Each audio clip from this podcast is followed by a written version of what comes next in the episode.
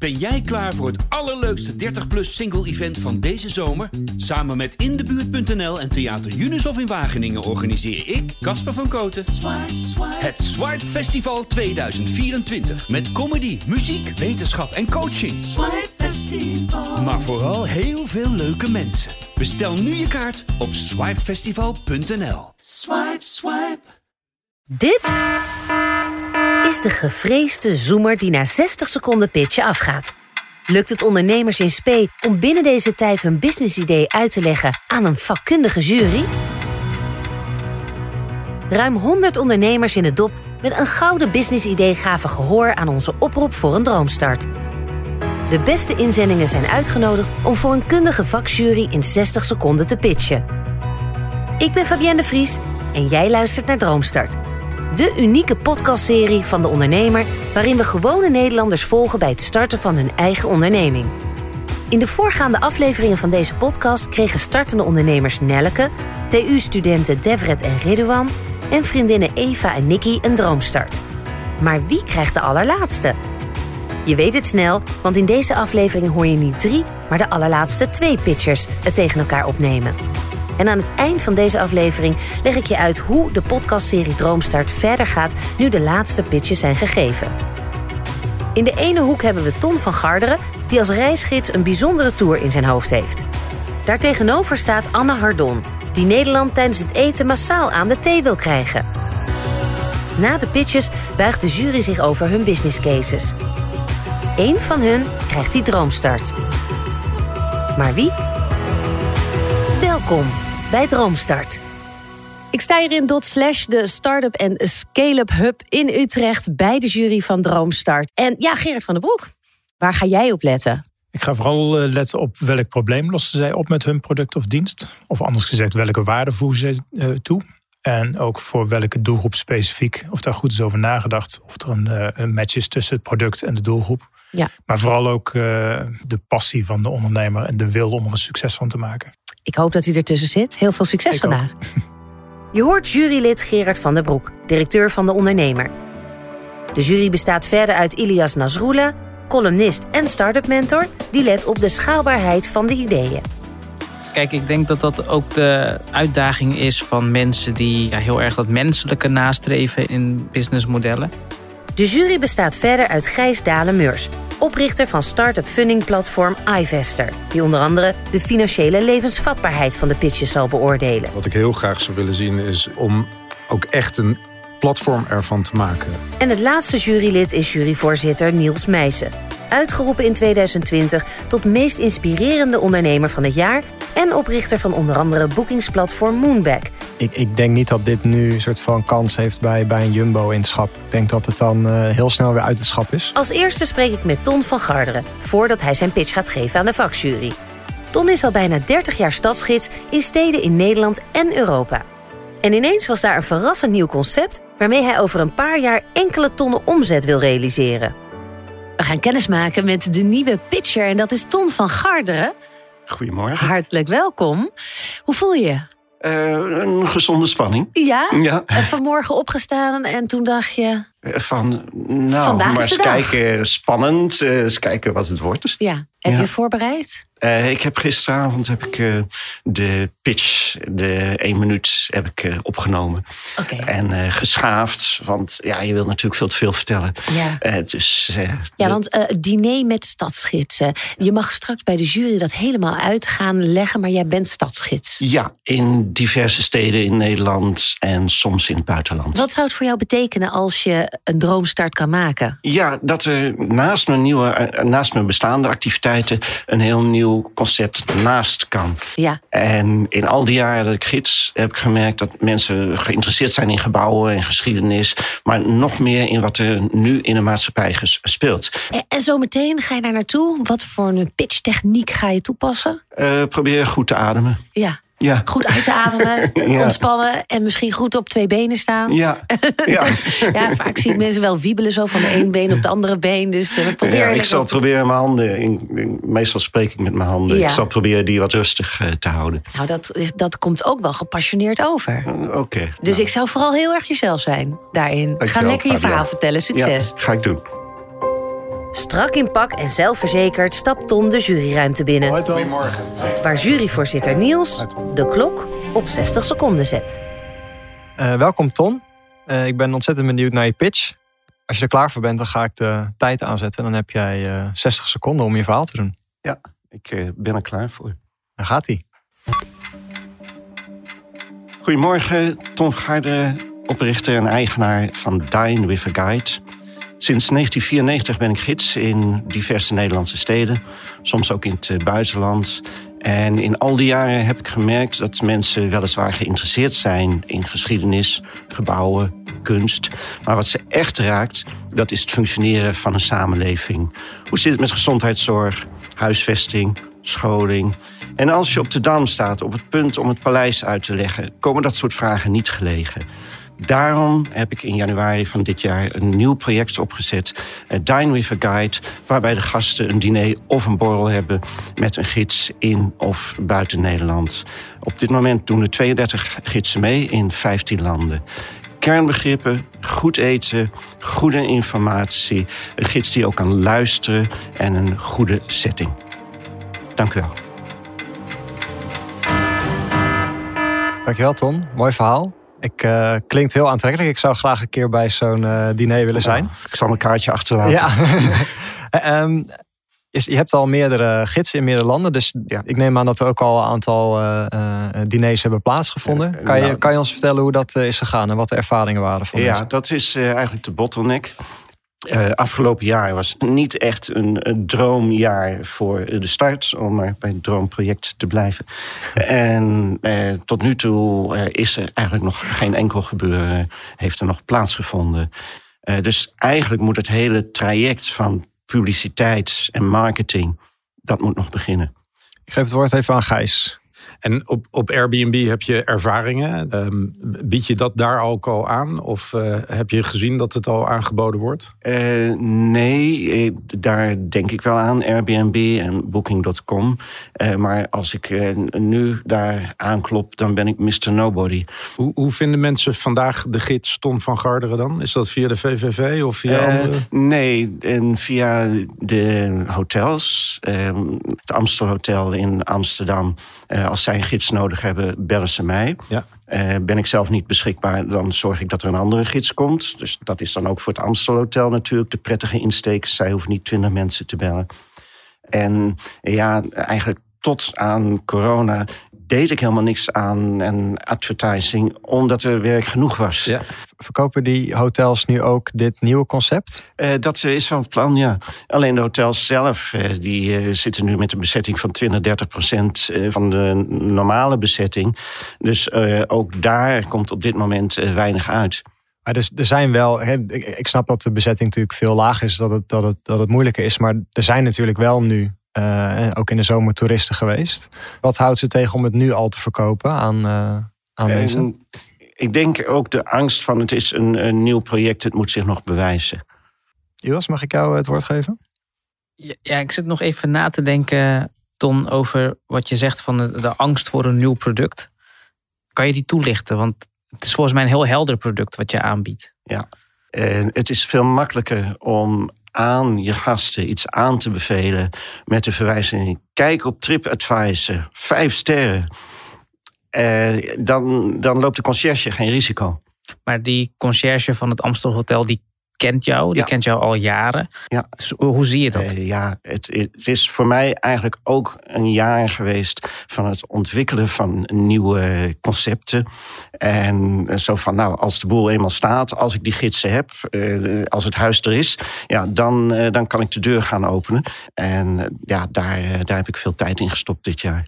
Maar jij bent iemand met heel veel ervaring. En je hebt het fundament. En je, dus hoeveel hoeveel producten opbouwen zie je eigenlijk dat je nog moet doen? Nou, heel veel. Want kijk, eh, de hotels is leuk. Maar dan hebben we het over een klein groepje. Eh, wel belangrijk, want daardoor krijg ik dan waarschijnlijk die positieve reacties waarmee ik weer verder kan. Eh, maar alleen van hotels afhankelijk zijn is, is niet voldoende. dus ik denk aan pers, uh, misschien de KLM-bladen uh, die in het vliegtuig rondgaan. En digitale marketing natuurlijk. Gerard? Ton, ik ben ook benieuwd naar uh, de verdiencapaciteit van dit idee. Het is natuurlijk een heel arbeidsintensief uh, product of dienst ja. uh, die je verleent. mijn verdienmodel is allereerst als ik zelf daar ben als gids. Maar stel dat het gebeuren in Rome plaatsvindt. De gast boekt via de website. Dat is voor het diner is dat 140 euro. En ik betaal aan de gids 100 euro. Dus daar zit 40 euro tussen. Ga je de marketing ook doen voor die uh, gidsen in die steden waar je zelf niet actief bent? Uh, wel via de website natuurlijk, de algemene marketing. Maar daarnaast is het ook aan die gidsen om in hun stad bij de hotels langs te gaan en de conciërges te attenderen op dit product. Ja, daar, daar zit natuurlijk het risico dat ze dan uh, die afdracht gaan omzeilen en het zelf gaan optuigen. Want de controle op iemand in Rome is natuurlijk heel moeilijk. Uh, ja, tenzij ik de conciërges beloof, als je dit boekt via de website, dan zit er een leuk kerstcadeau aan vast. Oké, okay. incentives, heel goed. Dan wil ik je bedanken, Ton, voor je, ja, voor je verhaal. Niels. Uh, wij gaan kijken of jij die droomstart gaat krijgen. Ja, dat zou uh, heel leuk zijn. Vol met nieuwe inzichten vang ik Ton op zodra hij de juryruimte verlaat. Nou, je bent de rust zelf zo als je terugkomt. Hoe ging het, Ton? Ja, ik vond het eigenlijk wel lekker gaan. Ik heb het idee dat ik mijn ei kwijt kon. En uh, ook goede vragen. Wat als, uh, als je straks die droomstart krijgt?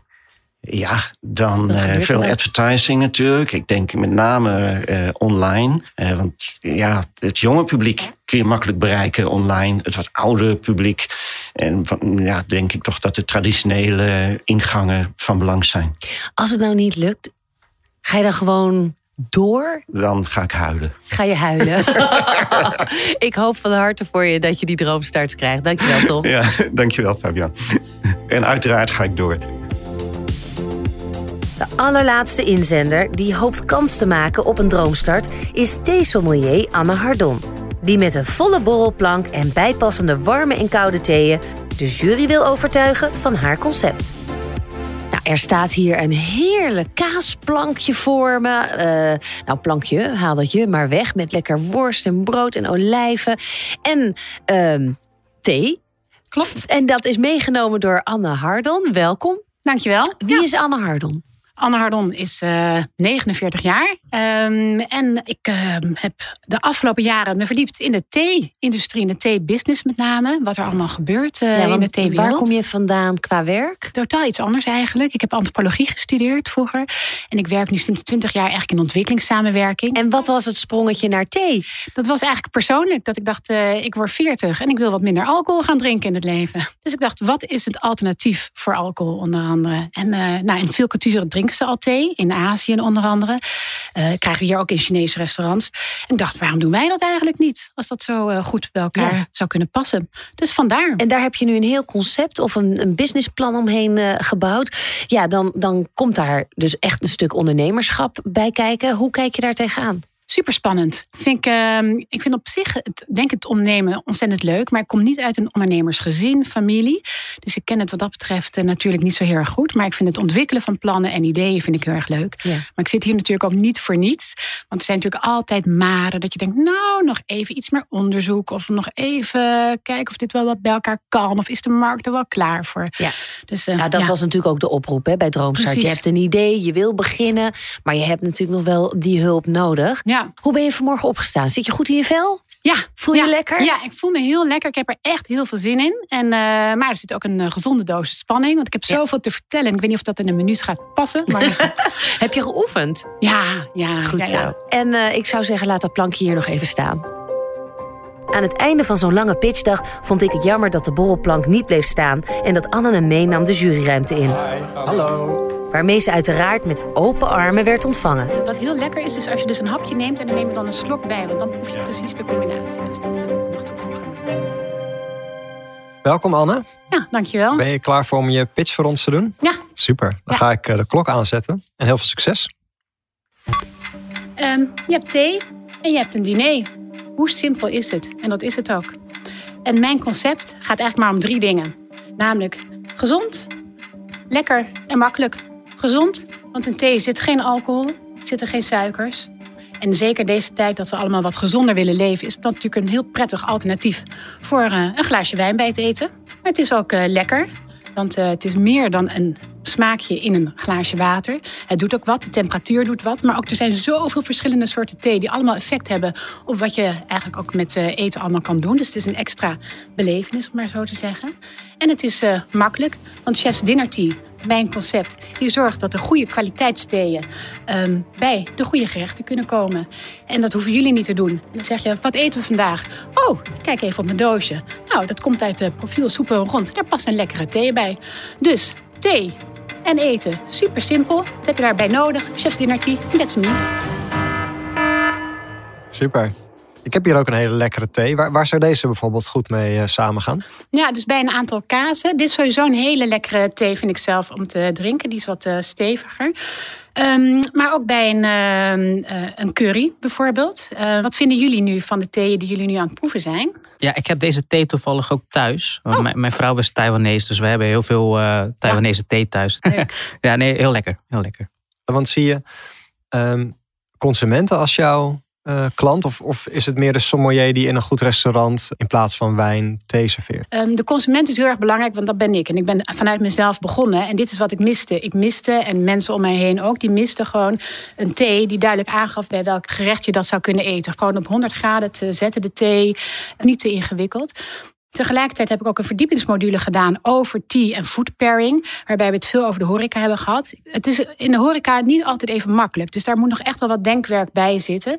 De reden is, is dat natuurlijk thee ook uh, heel veel variabelen heeft. Hè. Het heeft de temperatuur van water, de hoeveelheid uh, thee die je uh, gebruikt, zeg maar.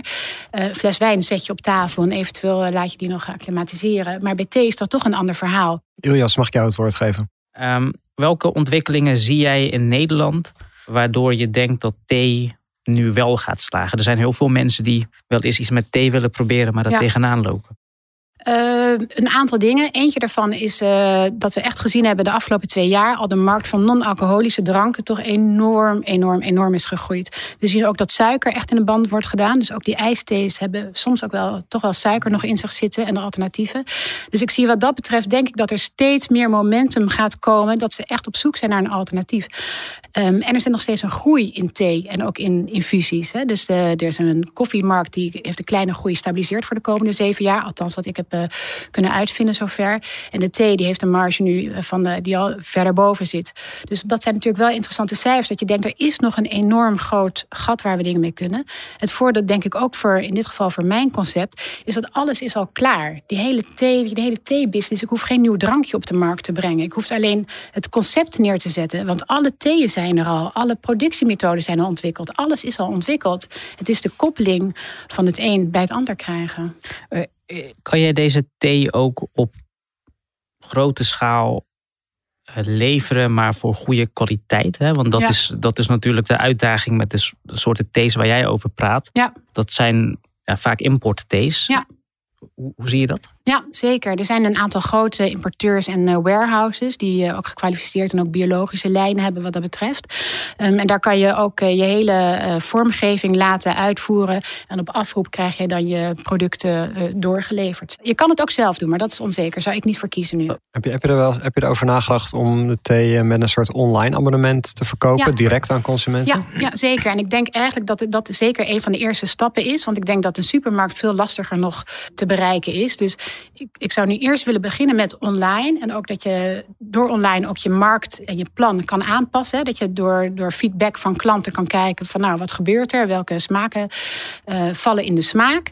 Ja, dat lijkt me ideaal. Gerard. Uh, ik, ik, drink nu net een slokje van de, van de koude thee. Ja. Er, erg verrassend. Lekker trouwens. Uh, ik zit te denken over de, de breedte van je productportfolio. Hè. Je, je, neemt een hele mooie fles mee bijvoorbeeld. Ja. Uh, dat vind ik al een hele onderscheidende factor ten opzichte van andere theeleveranciers. Hè. Dan krijg je of, een, of, een zakje of een, een trommeltje en dan moet je het zelf maken. Overweeg je ook om dit soort producten in je assortiment ja. op te nemen? Ja, zeker. Heel sterk.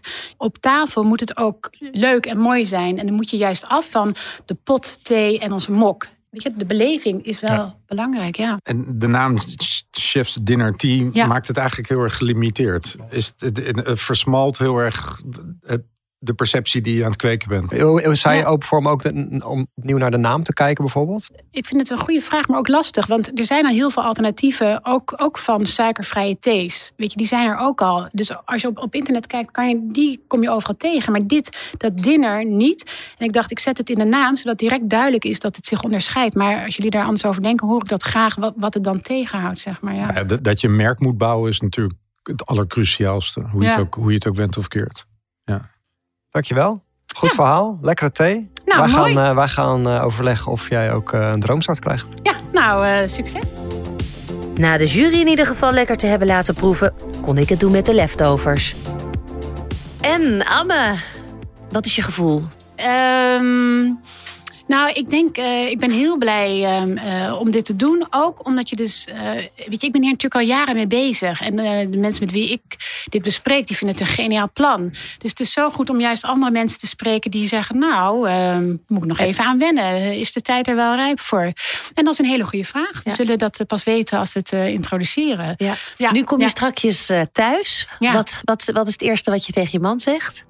Ik ben benieuwd. Laten we een lekker kopje thee drinken. Laten we een lekker kopje thee drinken. Anne, heel goed. Dank je wel. Heel ja. veel succes. Dank je wel. En uh, jullie ook veel succes.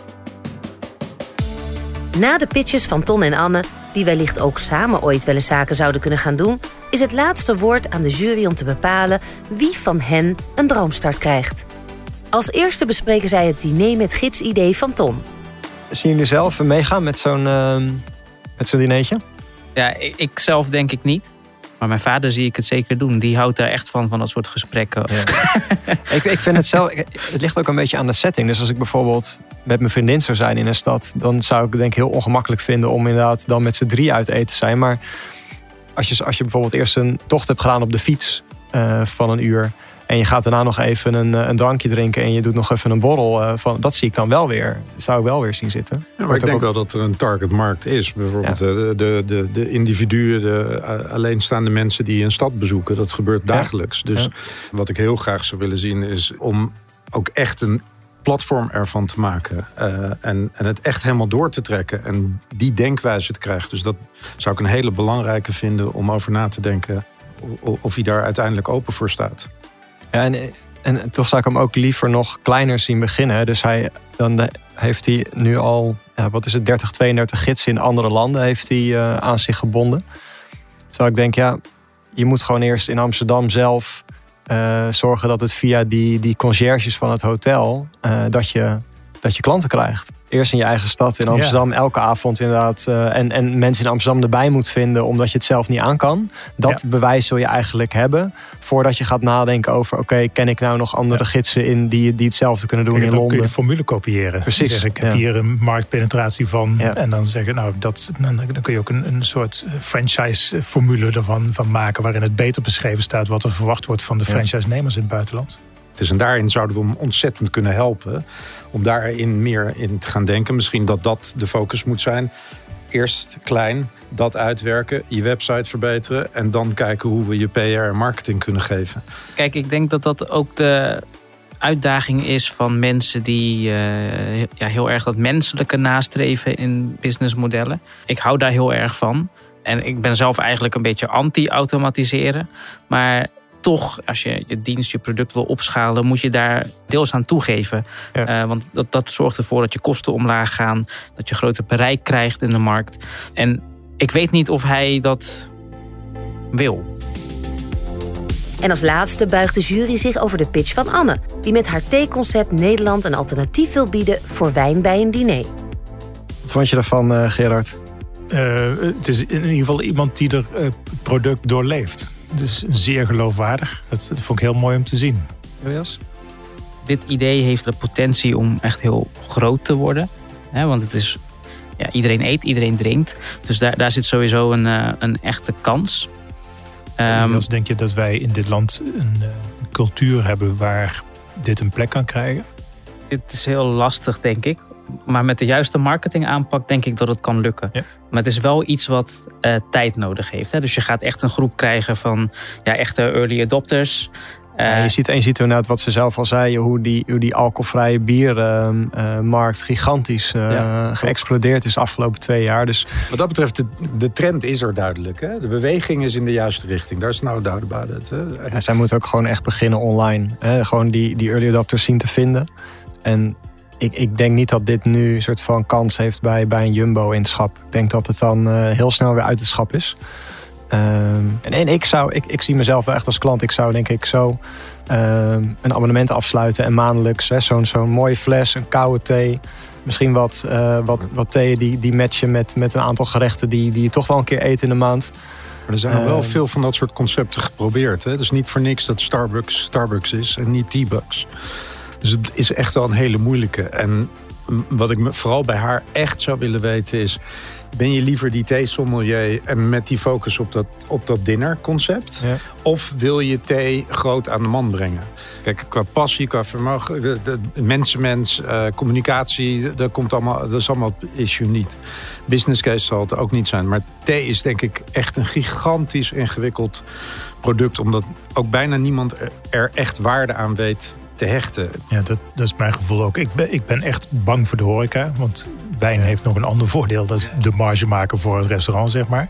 Ik denk niet dat ze dat kunnen compenseren met thee, gevoelsmatig. Uh, ik, ik zou naar een ander momentum gaan zoeken. Wat kuppersoep bijvoorbeeld heel goed gelukt is. Maar ja, dan gaan we weer om vier uur uh, rotsen zitten eten. Met uh, aangelengde troep. Misschien moeten ze in, in, in, een ander timeslot gaan denken. En het, het bezinningsmoment groter maken plaats van dat je iets gaat beconcurreren waar eigenlijk waarschijnlijk uh, aversie tegen is vanuit de horeca. Twee verrassend nieuwe concepten van twee totaal verschillende personen. Allebei met de ambitie om ondernemer te worden. Ik heb in ieder geval van beide genoten. Net als van alle pitchers uit de voorgaande afleveringen, die allemaal in 60 seconden alles hebben moeten geven. Voor de juryleden is het dan ook weer de taak om zorgvuldig een keus te maken en ook deze keer was dat niet makkelijk. Want wie krijgt de droomstart? Tom of Anne? Ze zitten beide de volgende dag in ieder geval zeer gespannen te wachten op het verlossende telefoontje van juryvoorzitter Niels. Die met het verlossende nieuws komt.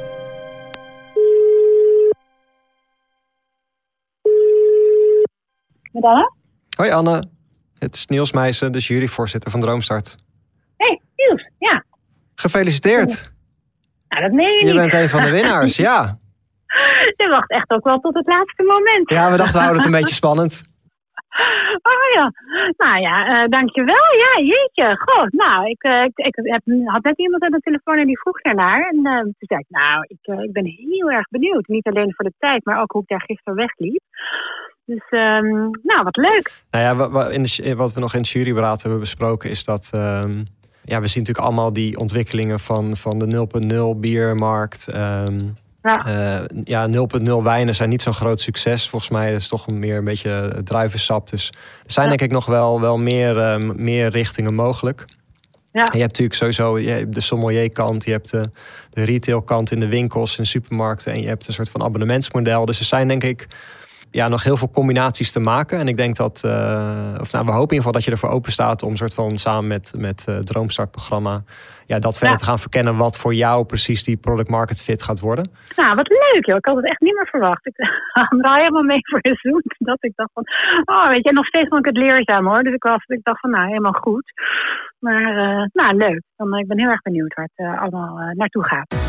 Gefeliciteerd met je droomstart, Anne. En met Anne is de lijst met vier droomstarters compleet. Vanaf de volgende aflevering gaan we hen op de voet volgen bij de allereerste stappen die ze gaan zetten als ondernemer. Iedere droomstarter krijgt van ons een zorgvuldig geselecteerde mentor waarmee ze kunnen sparren, aan wie ze vragen kunnen stellen en die ze op het juiste spoor houdt. Ook zijn we erbij op die cruciale momenten die vorm geven aan hun bedrijf en brengen we ze in contact met de meest succesvolle ondernemers van Nederland. En mocht een van deze ondernemers funding nodig hebben, dan zit jij als luisteraar van Droomstart op de eerste rij. Volg Droomstart in je favoriete podcast-app, zodat je geen aflevering hoeft te missen. En wil je meer weten over de deelnemers of zelf aan de slag?